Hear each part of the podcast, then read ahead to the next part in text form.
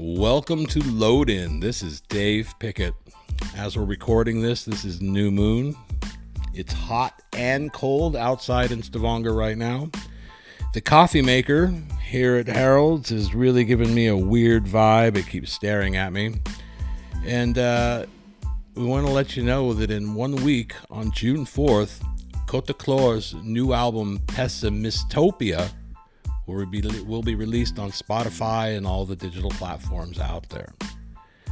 Today, I'm interviewing Harald, and we're going to throw him a bunch of random questions to see what sticks. Presenting the guest of this episode of Load In is Harald Harestad.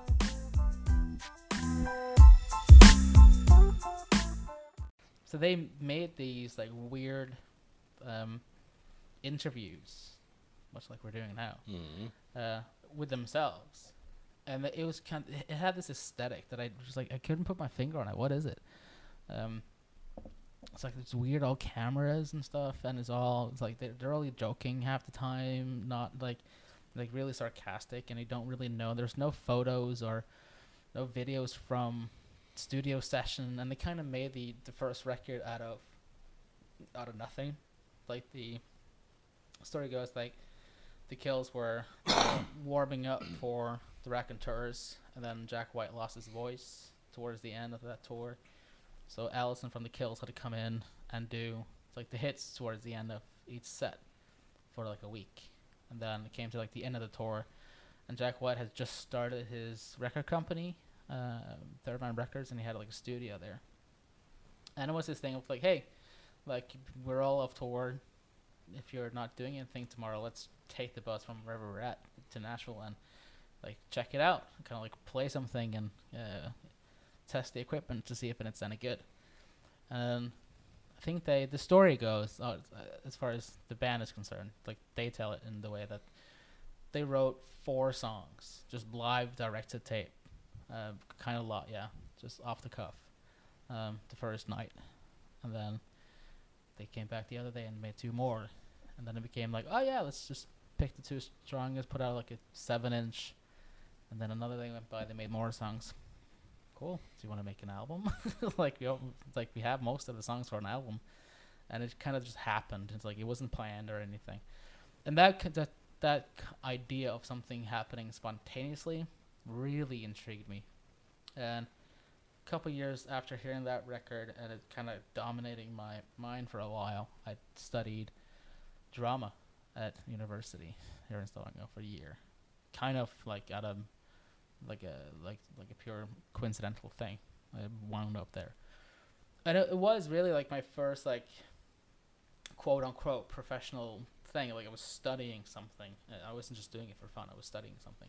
Then you get grades and everything, and it kind of taught me like all I needed or wanted to know about like performing live or like how do you make something out of nothing. Uh, definitely threw me off the deep end. Like stripped me of all kind of or made me aware of all the insecurities that I had.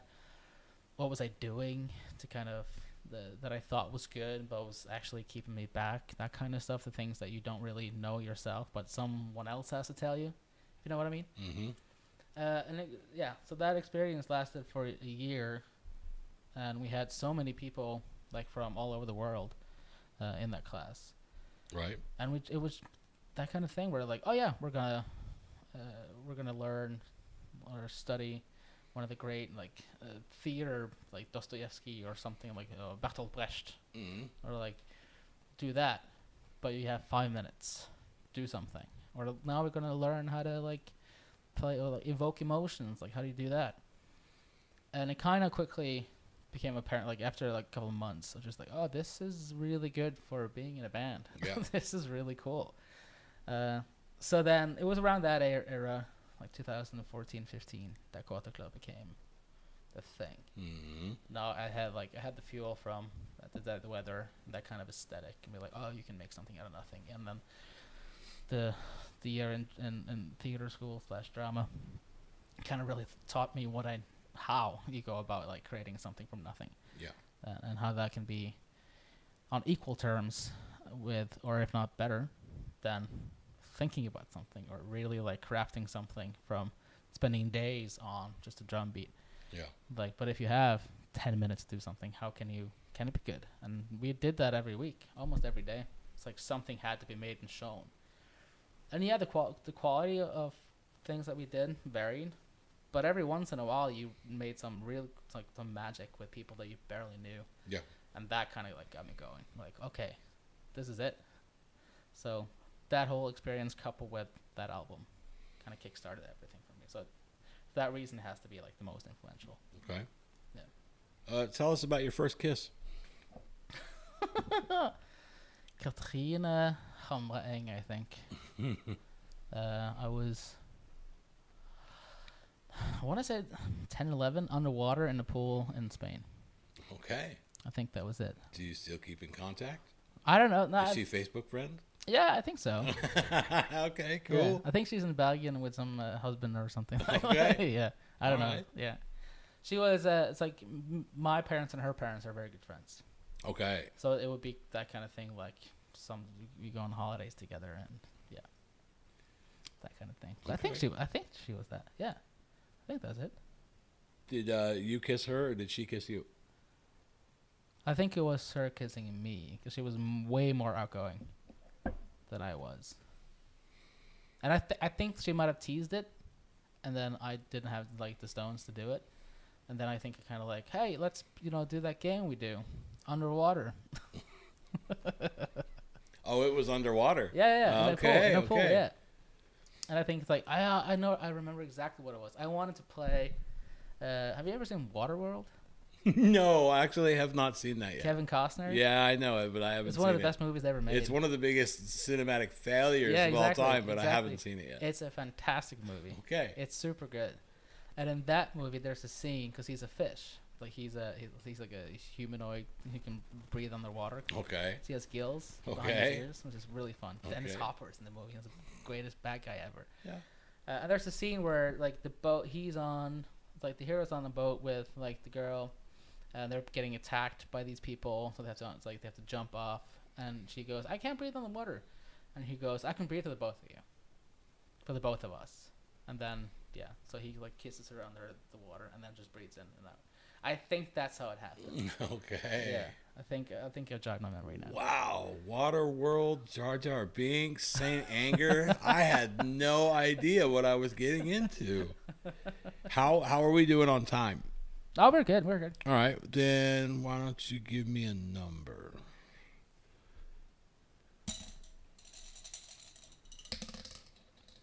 Four. Number four. What is the craziest thing you have done in the name of love? The name of love. I don't think I've done anything too crazy. I don't think. I've traveled for love. I pulled out of a gig once to save a relationship, like day of, which didn't sit well with the band, unfortunately, and it kind of didn't sit well with her either. but uh, yeah, I had to travel. I was in an airplane that almost crashed once. It was into Volda, and it's kind of like it's the one of those flights that don't serve coffee because they know. Because when you fly from, you have to fly from Oslo, and Volda is like northwest, and it's like it's kind of like surrounded like by all these fjords, which basically means that there's like a hundred different like pockets of no air going into it because there's so much wind and stuff. Uh, so it's common for those who kind of like go back and forth, like commute, like they work in Oslo and then fly Mm-hmm. at night. So it's like I was the only one on the plane. I think who had never experienced it before, and it's one of those like tiny propeller planes where Mhm. you're assigned seats based on weight, Mm-hmm. uh, that kind of thing. So I'm flying, and you just like increment. You just drop like 20 seconds at a time, like before going into landing, because I have to make it from the flying altitude into like the landing altitude, and there's no way to do that in like a straight.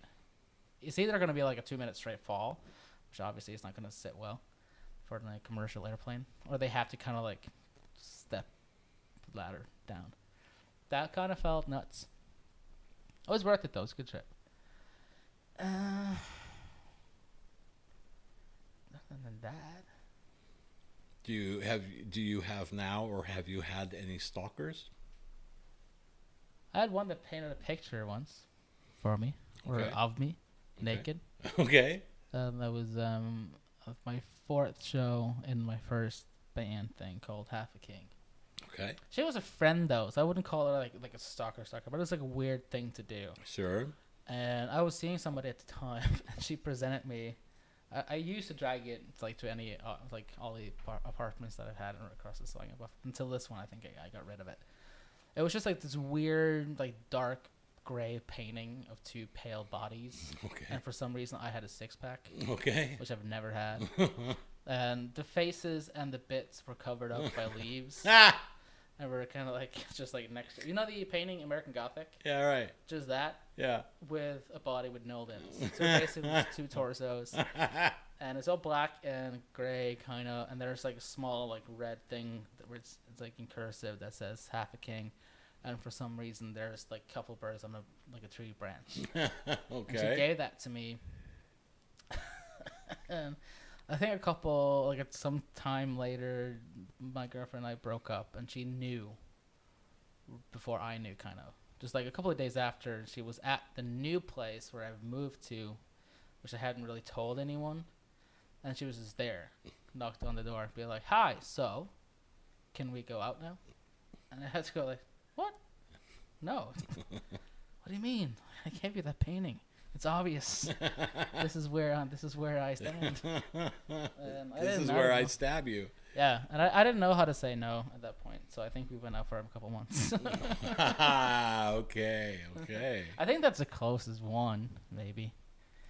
Yeah, I think so. But again, it's like I, I it's like I knew her.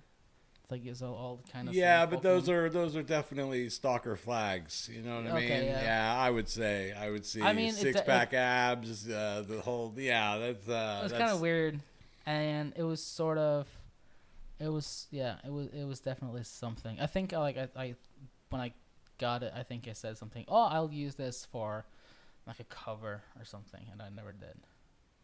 Uh, and it was definitely weird that she knew where, where I lived before I told her where I lived. that kind of thing. And I hadn't really told a lot of people the, the new address, and yet she was there, which was kind of interesting. Yeah, I think that's the closest thing. Okay. Yeah. Okay. Who was your first celebrity crush? Jennifer Aniston. Okay. First and s- yeah, all seasons of Friends. I think. I Mm. think that was the first one. But that was around like pre like 11, 12, just when the hormones start to get you. Mm. And I think yeah, I think I thought about her a lot. She does not wear a bra much in that show. No. I have seen a lot. I, I just listening to her and Ross argue is just so stupid that I just have to do it sometimes. We're yeah. on a break. I Yeah. get it just cracks me up at the ridiculousness of the whole thing. So I've I've watched Friends from beginning to end Yeah. a couple of times, and I'm not sure why I'm admitting this, but uh, I do understand that. Yeah, yeah, Yeah. And I think like it's very tough to be Team Ross in that discussion. Once, once- once to see it as as like an adult, be like, dude, come on. My favorite friend is Marcel, Yeah. hmm the, monkey. The monkey. hmm It's cool. hmm I identified most with Chandler. I think. I think he taught me the whole humor as a defense mechanism thing. Sure. Because he talks about it in the show. Yeah, A lot. He's uh yeah they, he's the joke machine. They Yeah, give him yeah. all the punchlines. Yeah. or not all, but most. Yeah. Yeah. hmm He gave me the best punchline ever that I used for numerous jokes. It's just like it's kind of like IKEA. You have to put it together yourself, but it costs a little Yeah, less. but it costs less. and then you could just like edit anything in in the start of that.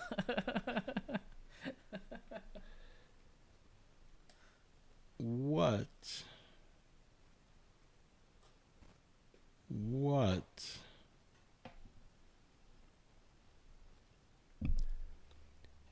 Is Satan real? I think so. Yeah. Uh, what's his best quality? Best quality. I think there's uh remember the movie Devil's Advocate? Yep. I think I don't know who plays it. Pacino that plays. Yep. the devil, Yep. and he has a speech with Yep. Keanu Reeves. Fantastic speech. Yeah. It's a fantastic. And he goes like, "What speech. more do you want? I give you everything. Is I allow everything." It's a gorgeous monologue. Yeah, that's just and that and I think yeah for sure. I think that's the thing. They just like, and I think that it's the it's the first kind of when I saw that it was the first kind of um reason where we had to like kind of think and be like, oh, so maybe it's up to us then to kind of show some restraint, because like the devil is just gonna give you stuff. Well, then what is Satan's worst quality?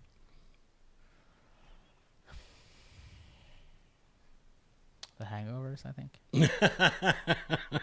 Maybe. I mean, if it's just good all the time, it's like there, it's like there should be no repercussions for it. There should be no addiction, no, no hangovers, no nothing. But well, when you go on a, when you have a, a, a night where you drink a lot, you're gonna feel it the next day, especially post thirty, which makes you don't want to do it again. Yeah. And then he was like, uh, yeah. So, if he generally was real, I think that would be like a tip for him, like a marketing tip. Would be if you just eliminate things such as like a, like life ruining addiction or hangovers, I think you're you have a stronger case. Yeah, because that's a it's the good point. consequences that kind of like, oh, I shouldn't do that. You know, put your hand in the fire, you burn yourself. But if there's no consequences, you're gonna there's no ins- there's no incentive for you not to do it. Yeah. So I think that's Mhm. that's the thing that I took away from that whole speech. hmm Yeah, which is a great speech. It's Great. It's a fantastic yeah. monologue. Yeah. Uh, is a hot dog a sandwich? Uh, isn't the definition of a sandwich meat placed between two pieces of bread? I believe so. I would say that's the accepted. That's a widely acceptable term. Yeah, hmm but is a bun a piece of bread? Well, it's made from bread, and it basically looks like a sandwich, although it is sideways. Therefore, Yeah, we're not sure. because it's not it's not completely uh, if it's not completely severed the two pieces of bread can't be like it can't be like placed on top so it, per definition cannot be like a hundred percent in between the thing Is the is the separated bread what separates it from a hot? But then, but then, because that's what makes a hamburger hamburger and not a sandwich i think wait a minute. Is what? because i think the definition of a hamburger is uh, beef cooked somehow between two pe- with like uh, condiments placed between two pieces of bread, which is also the definition of a sandwich. Well, I think hamburger is because it's made out of hamburger meat. But then, Which is just ground beef. I mean, a taco. I mean, sorry, a hot dog might be more of a taco. I don't know. Yeah, yeah, yeah. Especially if you have it like the true Norwegian way, the lump. It's like the potato thing. Yeah. Right. Yeah, that's like the Norwegian taco. And yeah, one can argue the waffle, the Norwegian waffle, can also be like the Norwegian taco. Is there anybody who can? Uh, they when they're listening, they can let us know. Yeah, There Drop must be some experts out there somewhere. definitely drop drop us a like at our, our respective Instagram accounts. I'm gonna say I'm gonna say it's not a sandwich because I I would I can have I can have a sandwich for lunch and breakfast, but I can't have it for dinner. It still wouldn't be dinner to me. I think. The sandwich. Yeah, What constitutes dinner? What makes it a dinner? because if I if I have a, a hot dog for uh, like around dinner times, I'm still gonna be like, oh, I'm gonna get dinner. But if I have like a sandwich for lunch or breakfast, it's like, oh, this is breakfast, this is lunch, because there's gonna be a bigger meal. But what if it's like hot dog, French fries, and vegetables? Do you have vegetables with your hot No, dog? I'm, I guess you could. Yeah, like a full-on poutine thing. We're adults. We can do whatever we want. Exactly. Um, I think it's kind of like the system my thing because it's like that's the one day uh, idea where Norwegians like kids eat whatever they want, but it's Mhm. all the same thing. It's all like ice cream and hot dog. But you still have you still have dinner in between, hmm which would then maybe constituted constituted as a sandwich. Because if I'm eating, if I'm eating a sandwich for lunch, like, hey, do you want to get lunch? No, I already ate. But if I'm eating a sandwich at like six, and then people go like, hey, do you want to go grab dinner? I would be like, yeah, because I wouldn't feel that that's not the biggest meal. So it's ex- expectation. Yeah, maybe Maybe Yeah. that's what it is. it's a good question. Yeah, I'm gonna, I'm gonna, I'm gonna go. It's it's his own thing. It's not a sandwich, but I'd still want something. I, I don't think I can just like eat like a hot dog and think, oh, I had dinner now, unless I had four of them. In which case, I would say I can't have dinner. I just ate four hot dogs. Uh, what have you What have you hated and then loved? Hated then loved. In anything, Yeah, sure. There's tons of things in food. I used to hate blue cheese, and I fucking love blue cheese. I used to hate mayo. I Fucking love mayo now. I used to hate tomatoes, and I love tomatoes. Um, I used to hate on the electric scooters, and then I tried one, and it's really fun. Uh, I used to hate on the electric bike. Now I get free ones, uh, free rides from Tow, which I use all the time. So that's cool. Uh, CZ Top, for sure. Um, coffee, I've always kind of liked. I see you staring at the coffee machine again. Yeah, we're in the kind of we're in the kind of. You guys have a thing. There's yeah. a there's a like a there's like a shining thing going on here, right? Between you and that coffee maker. I see how much you look over at him. yeah, yeah, yeah. Like there's a real It's thing going on. in the vision, like when you like. Well, kinda look no, left, I think you're making an effort. Yeah, I think if it was behind you, you turn around and peek at it every now and then. I think. Maybe it's just because I feel like it's a very like one way street com- like conversation. It's a I don't know. Maybe he's just sitting there waiting to die. He knows he's gonna get it's gonna get punched or whatever here soon. Well, I mean, like depending on the corona situation, we'll see. maybe he'll make it through. What uh, your music is hard to describe, uh, but it's really freaking good. Um, what channel are you on? Where does this come from in your head? Like what? What? Yeah. What is this? Côte de Clore. Well, Kotuklo was to me more of a slogan for a while. Because I came up with it uh, when I was like I know, 13, 14 in music class or something. Uh, and they had us, we had a real like hippie music teacher for that last year. And she was kind of the only one that kind of took it seriously, I think, as an actual um, subject. She would show us different kinds of music and explain things about it. She would compare, uh, like, this is a sad rock song and let's compare that to a sad classic song and that was kind of like more entertaining to me and, and more like knowledgeable like this whole thing about learning how to play what we call blockflöte you call something else what do you call that just like the simple flute Mm. recorder Yeah, the recorder. Yeah. yeah um, and it's like in that it's like just playing the like recorder or bang two pieces of wood together that was that was kind of like how music class was from age five to thirteen, um, and so that kind of like like I never learned anything until she came along, and she gave us an assignment after like months and months of exposing us to different styles of music and learning uh, uh, like especially classical music and learning about like oh this is the baroque period this is the renaissance period and tied it directly into the world of art. And uh, and which was kind of like interesting. And I never thought about it like that before. And she gave us an assignment to pick a genre of music that appealed to you and describe it using two words. And she yelled at me because I picked blues and I described it with a quarter cleur I think she yelled at me because I had a quarter in there uh, which you're not supposed to do in 10th grade because it's sexual uh, but that meant to me kind of at that point it meant this weird feeling or state of mind you're at sometimes um, where it seems like you're acting more on instinct than anything. You're not premeditating anything. You're not thinking which could be what you feel like when you kind of like get in bed with your loved one. It's like when you kind of like especially when it's like a cool like a beautiful thing and you don't think about what you're doing it just happens. I guess that's what they call making love.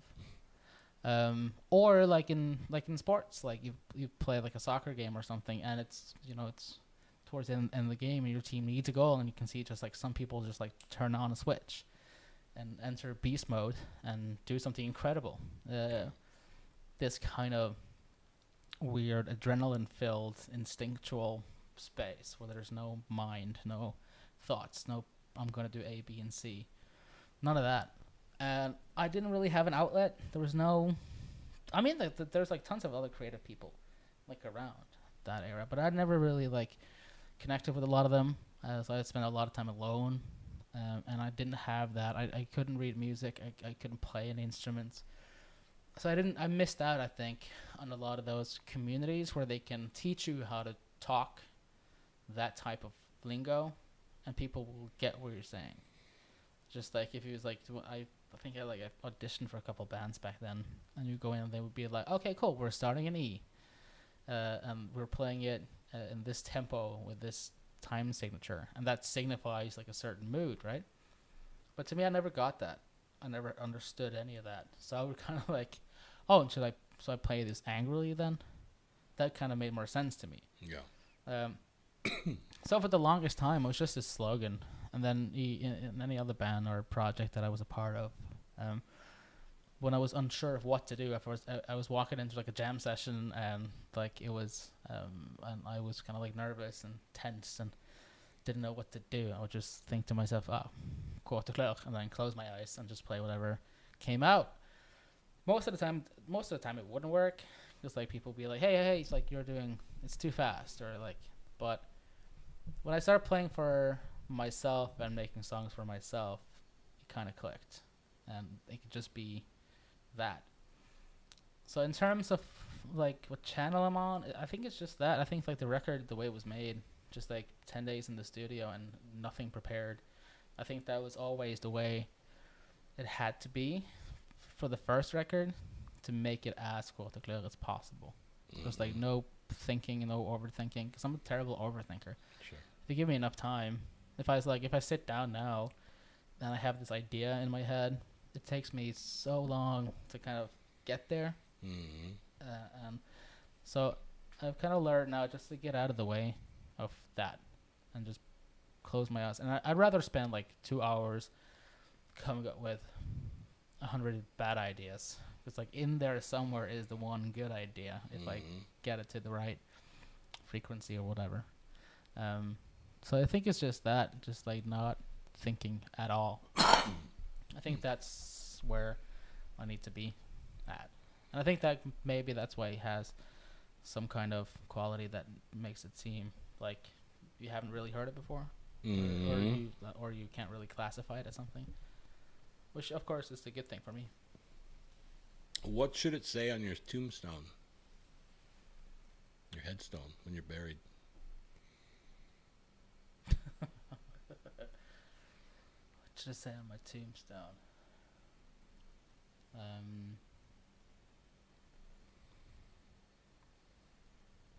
end of part one, Nice. maybe. Nice. mine, I want mine to say, I got this.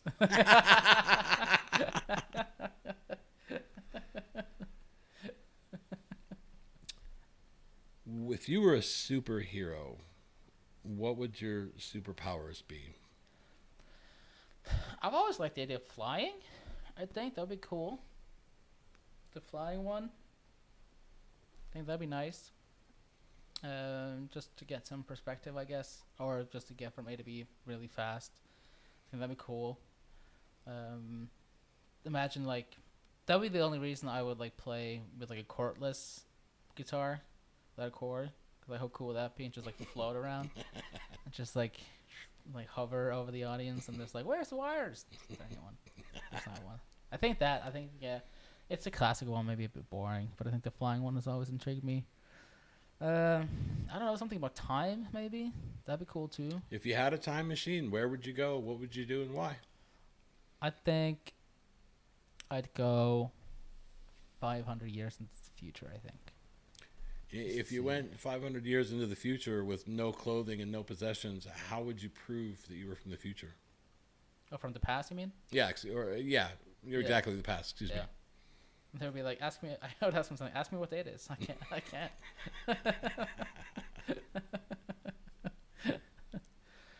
yeah, I, I- I think it's like if you go into the future with no nothing. Uh, oh, that's a great movie. I don't remember who's in it, but there's there's a scene. Is it Schwarzenegger? Yeah, man, it's Terminator. He shows But up there's naked. one. There's one with Sandra Bullock. and it's like it's three shells in the bathroom. What is that? And he goes in, and it, go- and it goes like, "I have to go to the bathroom," and she goes, "Yeah, just go in there." And there's no toilet paper. No, there's just three like is. shells, and he goes like, "How do I, how do I, how do I, how do I use that?" And, and they just start laughing. He doesn't know how to use the shells, and it doesn't explain it. yeah. I think that in that movie, whatever that is, was it Time Cop? I don't know. I can't remember. But I think s- stuff like that, it's like you're so oblivious to anything that you can't really do anything. I think that. Or like most likely it'd just be like thrown in and locked away somewhere and labeled as a crazy person. To be honest, I I think you have a chance.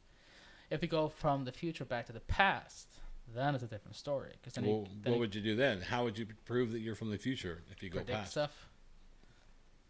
I think Yeah, that's suppose. yeah. You can kind of like uh, get rich on betting on stuff. I think Yeah, right. just like desperately trying to remem- remember, like what was the score in that game, and then just predict it and then make a ton of money. Mhm. Uh, I think that's the easiest way to go. Um, for sure. Where'd you go? It's like you had to, had to go to the past. It's like would you go to like 9-11? like seven thirty, and be like, "Get off the thing, trust me," or I don't know. No? I don't know. I don't know. It's a good question. I don't know. Do you only get to go one place? Do you get to go other places? Yeah. Is anybody going to listen to you? Probably I mean, not. 9/11, it's going to happen anyway. Yeah. I mean, everybody in New York, you're just going to be another maniac running around telling everybody, "Go, get out." They're going to be like, "Shut up, idiot," you yeah, know. yeah. And then you all die.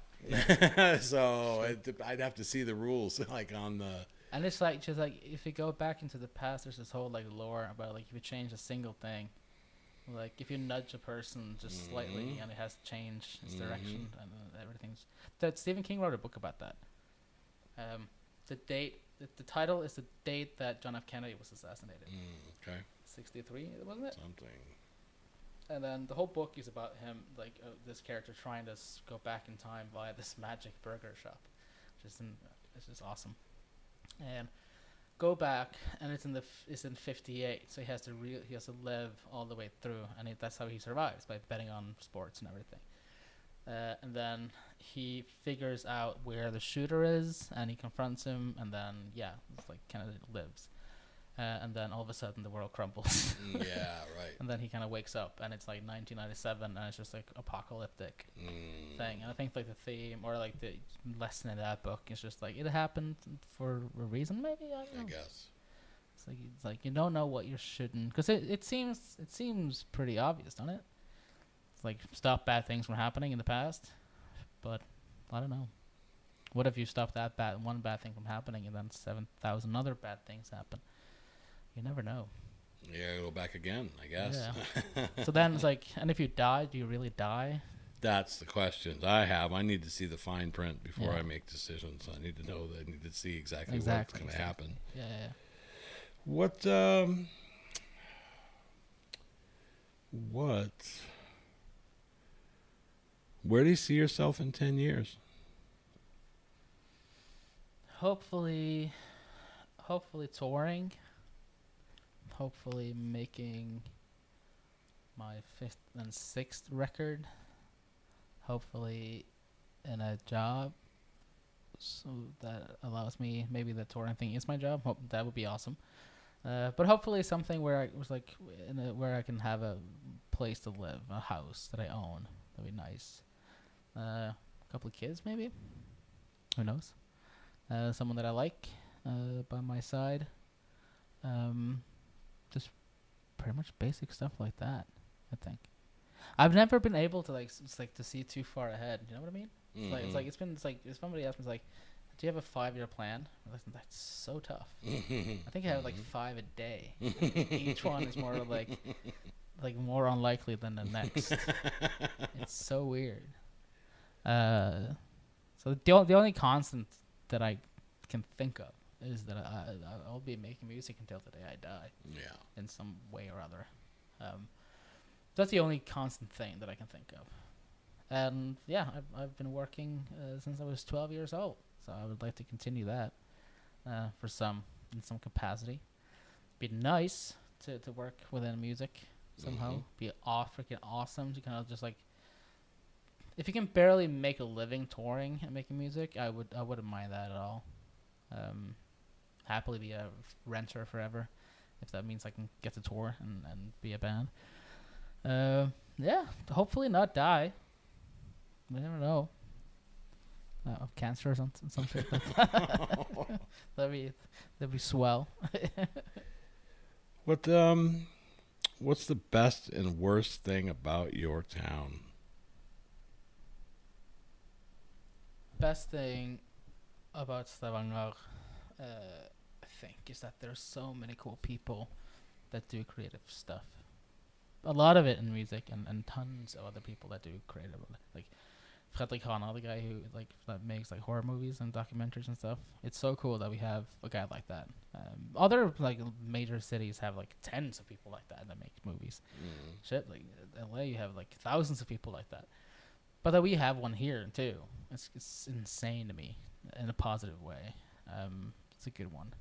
And it's like, it's what I tell people like that kind of move here for the first time. It's gonna take you about a year, and I think that's true for a lot of other places too. It's gonna take you a year to kind of get settled in, but I feel like in Stavanger it's especially true because like we have all kinds of of different environments and groups and, and kind of gangs and cliques, depending on what you want to do. If you want to go kite surfing every day, there's people that do that, uh, but it's more difficult to find, I think Yeah. because it's a large space. Uh, there's like, um, yeah, so and the environments and the groups of people are or scenes, if you will, are small, and it's difficult to find if you just keep going down to the same bar or like if you just do one thing. Mm-hmm. If you just go to Tou Scene, you'll meet a ton of like a ton of terrific people that have like studios and do art and, and do like dancing and stuff. Like that have like record pressing plants and, and do like uh, like a beer only bar and, and do amazing food and I was like it's insane. Um, so I really like that. I've I've like never lived anywhere else and I think it's for a reason. Like every time I think I would like to go, and I think seriously about it, um, there's always something that pops up that goes like, no, well, it's pretty sweet here. Yeah. It's you know, it's small, and I think Stavanger people are like a negative that I keep hearing on the podcast is that it takes a lot for people to be interested in something that they don't already know. Mm-hmm. You have to know the band before you go and see the band live. Mhm. I think that lack of of uh, adventure, I think, um, is something that hopefully is going to change. Like once we get the green light to go back to normal post Corona, I think that's it's specifically for the first month. I think people are going to go insane. And just just to be able to go back into their favorite bar and just sit there and be like, oh, I want to get drunk and you know fight a seagull again, because a, a lot of people a lot of people want to do that or do that bef- like pre-COVID. That was like the thing. Like if you go downtown on a Saturday night, like 2 a.m. the morning, it's just like hundreds of people piling into the same. Zombies. Yeah. Mm, Yeah. So a lot of people, I think, like just want to do that again. Yeah. but I think the lack of something happening in front of your eyes live, I think people are so used to streaming and looking at things through screens now. So that just whole interaction thing, Mm, just to be able to stand in like a bar queue to get service, it's just gonna be like, whoa, shit, this is intense. yeah. Right. And that maybe there's a doorway or like a like an entryway there for a lot of people to be like, holy shit, look at that guy. He's on stage. He's playing music and it's not, you know, the same up cover that he did 40 minutes ago. Yeah. It's something new. And I think if we're like us local bands and artists, if we're really ready for it and we start planning shit now and we don't get bogged down in details and we don't get bogged down in it, it has to be done in a specific way, I think it's there's a it's a whole new world waiting to happen now, I think. And the only way it's going to go back to exactly what it was pre-COVID is that we do nothing.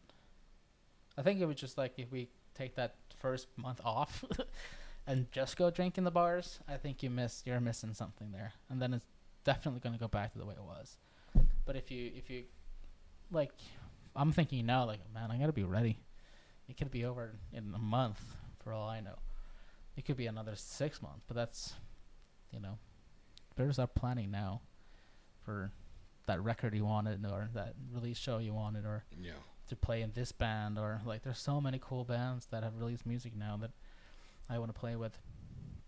And I think people are so ready and hungry just to get out there and see what it is. It's like I've had this thought like a million times like do I even remember how to do this? It's like like Yeah. what's it going to feel like, you know? Yeah. I had my first rehearsal with a new band a couple of days ago. And it's just like just that idea of just like walking to a rehearsal space with the pedal board that I haven't really touched. Um, and you know, guitars with old strings. I mean, like, can I? Damn, I'm only spoken into like podcast mics for a year. It's like, yeah, I did the record, but even then, it's like it's not the same. So then, just like playing those new songs, it was loud. It was so heavy and was so I can't like, and I think that's partly due to the fact that I haven't done it in so long. Excuse me. Yeah. So I think that's the that's the negative side. Started with um, a salad of solution.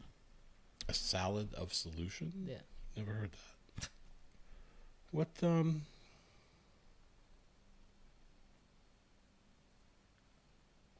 What's the craziest thing you would do right now to pay your rent for the next 6 months? I would. I've been. Th- I've been thinking about this.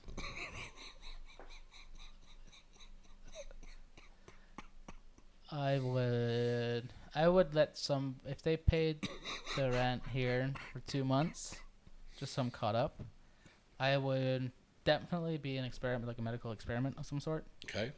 Uh, I've been thinking about like uh, doing like streaming thing, like playing video games, like to, and people watch you and they pay you, because I see that creates a lot of money. Uh, I'd be willing to sell. Um, I mean, I can make like a shitty bread and sell that. Uh, I'll do stand up, uh, and under the name of like the uh, most unfunny stand up comedian ever, and maybe people will want to pay money for that. I'll definitely, um, I'll definitely wash clean. Uh, I can make, again, if you need a private chef, uh, and it's like the most adequate chef ever, most like average. I can make you an average grilled cheese. Maybe make it funny. I don't know. I had a dream a couple of days ago that NRK bought my podcast Okay. and just gave me a job. Okay. That would be kind of cool. Yeah. Be like, hey, don't record from home. Make it into a radio show and you work for us now. Nice. I think I would do that for sure. sure. Then way we can all, I can have all my friends again and be like, hey, you want to be on radio? uh, yeah, in a heartbeat. Uh, stuntman, I haven't, I don't really fall that much, but I can give it a go. if you, if you want to.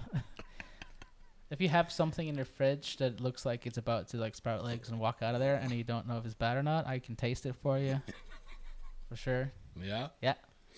You name it, I'll do it. Okay. Yeah. Okay.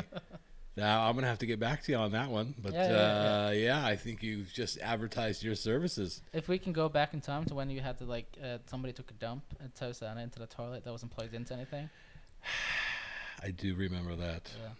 I think like if somebody's like, "Hey, I'll pay your rent tomorrow," if you clean that up, I would go in, no hand, no mask, no hand. It's like no nothing. I would bare hand. That's literally that shit.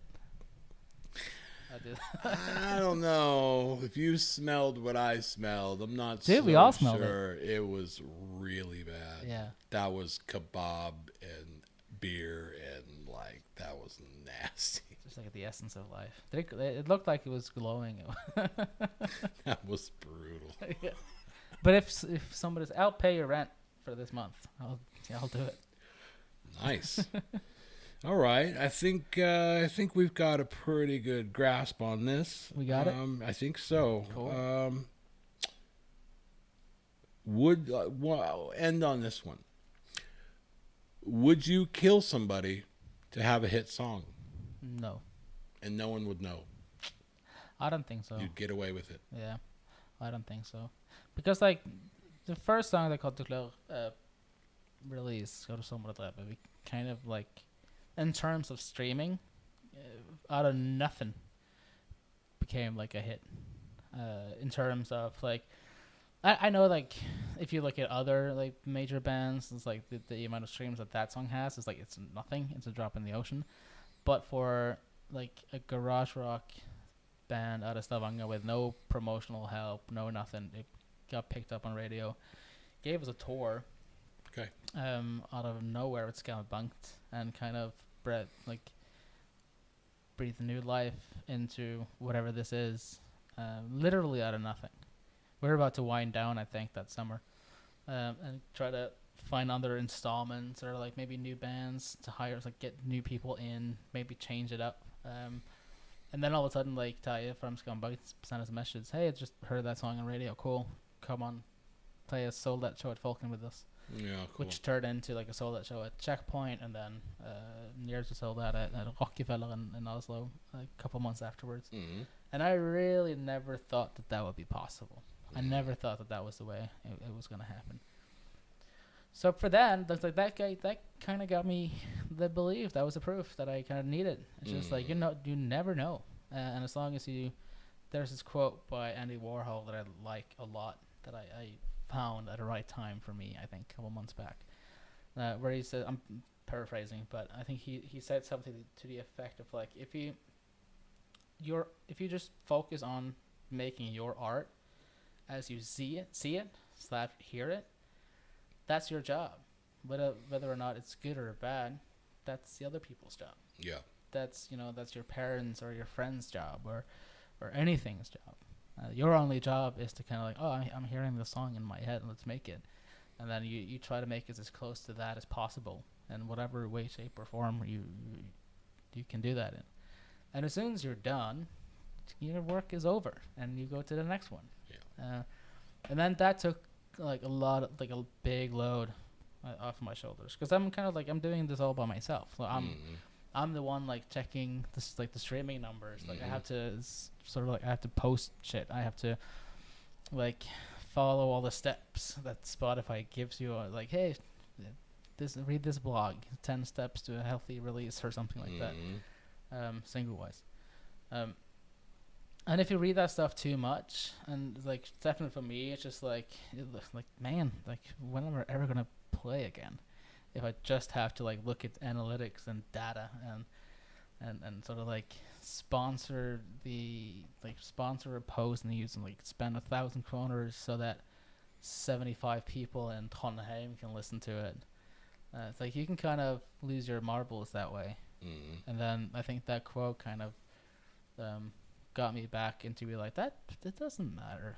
It's n- it's not. It's not a. That's not for you. And if it happens, it happens. Cool. But if that's the only reason you're doing it for is to have like the hit song and you have like a million streams, I was like, I bet that's freaking awesome. I mean, like as soon as like Schedule Sommar Drepe like hit like twenty three thousand streams, I was like, fuck. Mhm. That's fucking cool. this song came out of nowhere, Yeah. and and people like it. That's that's amazing. But if that's what I wanted, I would have quit by now. Cause then I, I did it, um, or it was like we did it. But it's not.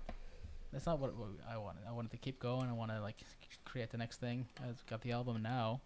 It's about to come out, and I'm already thinking about like, okay, so what's the next thing? That what what should the next thing be then? Is it the next album? Is it the tour? Is it? And that's way more interesting, and it kind of takes a load off Yeah. your shoulders that you don't have to. You don't have to look at that thing, because whatever the number is in your head, it's like you're always gonna be disappointed in that, unless you have like Mhm. distribution and people working for you and that stuff. But Right. yeah, so that's where I'm at uh, at that at that thing. It's just like it's just easier to for me just to go, oh, I made the album that I wanted to make, and it happened in a cool way, and that I identify with, and that I am that I like, and like s- really excited about, and proud. And now then, now the, that's kind of history, and I'm excited, generally excited for people to hear it and kind of grasp it, and then after the day after it's out, I kind of need to let that go, and it's the next thing. Or else I'm just gonna sit at home and figure out like, what pose should I do for this picture I have to post? What's gonna get them to stream it more so that I can satisfy that kind of greed? Uh, hopefully, we'll be back doing shows uh, in in the fall, and I think that's gonna take a lot of hopefully that's going to take a lot of the focus away. I think for a lot of people, just away from that whole counting the streams and counting the followers and counting the likes, because I don't think that leads to anywhere positive. I think that leads you away from what you should be doing, which is making music. That was a really well grounded answer for somebody who's been influenced by Waterworld, St. Anger, and Jar Jar Binks. I'm I'm impressed. That was uh, I I, Power of the Binks. I expected a much further out answer.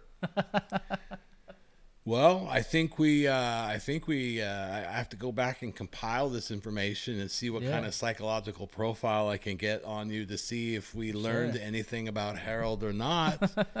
but uh, I think we got some really interesting answers, and I uh, really want to thank you for this opportunity. This is cool to sit down and, and, and Cool, take you take take the reins on your show and be the guy asking questions. it was nice. I like That's it. That's cool. That's Yeah. cool. Thank you so much, man. Absolutely, man. Thanks for having me. Cool. See ya. Later.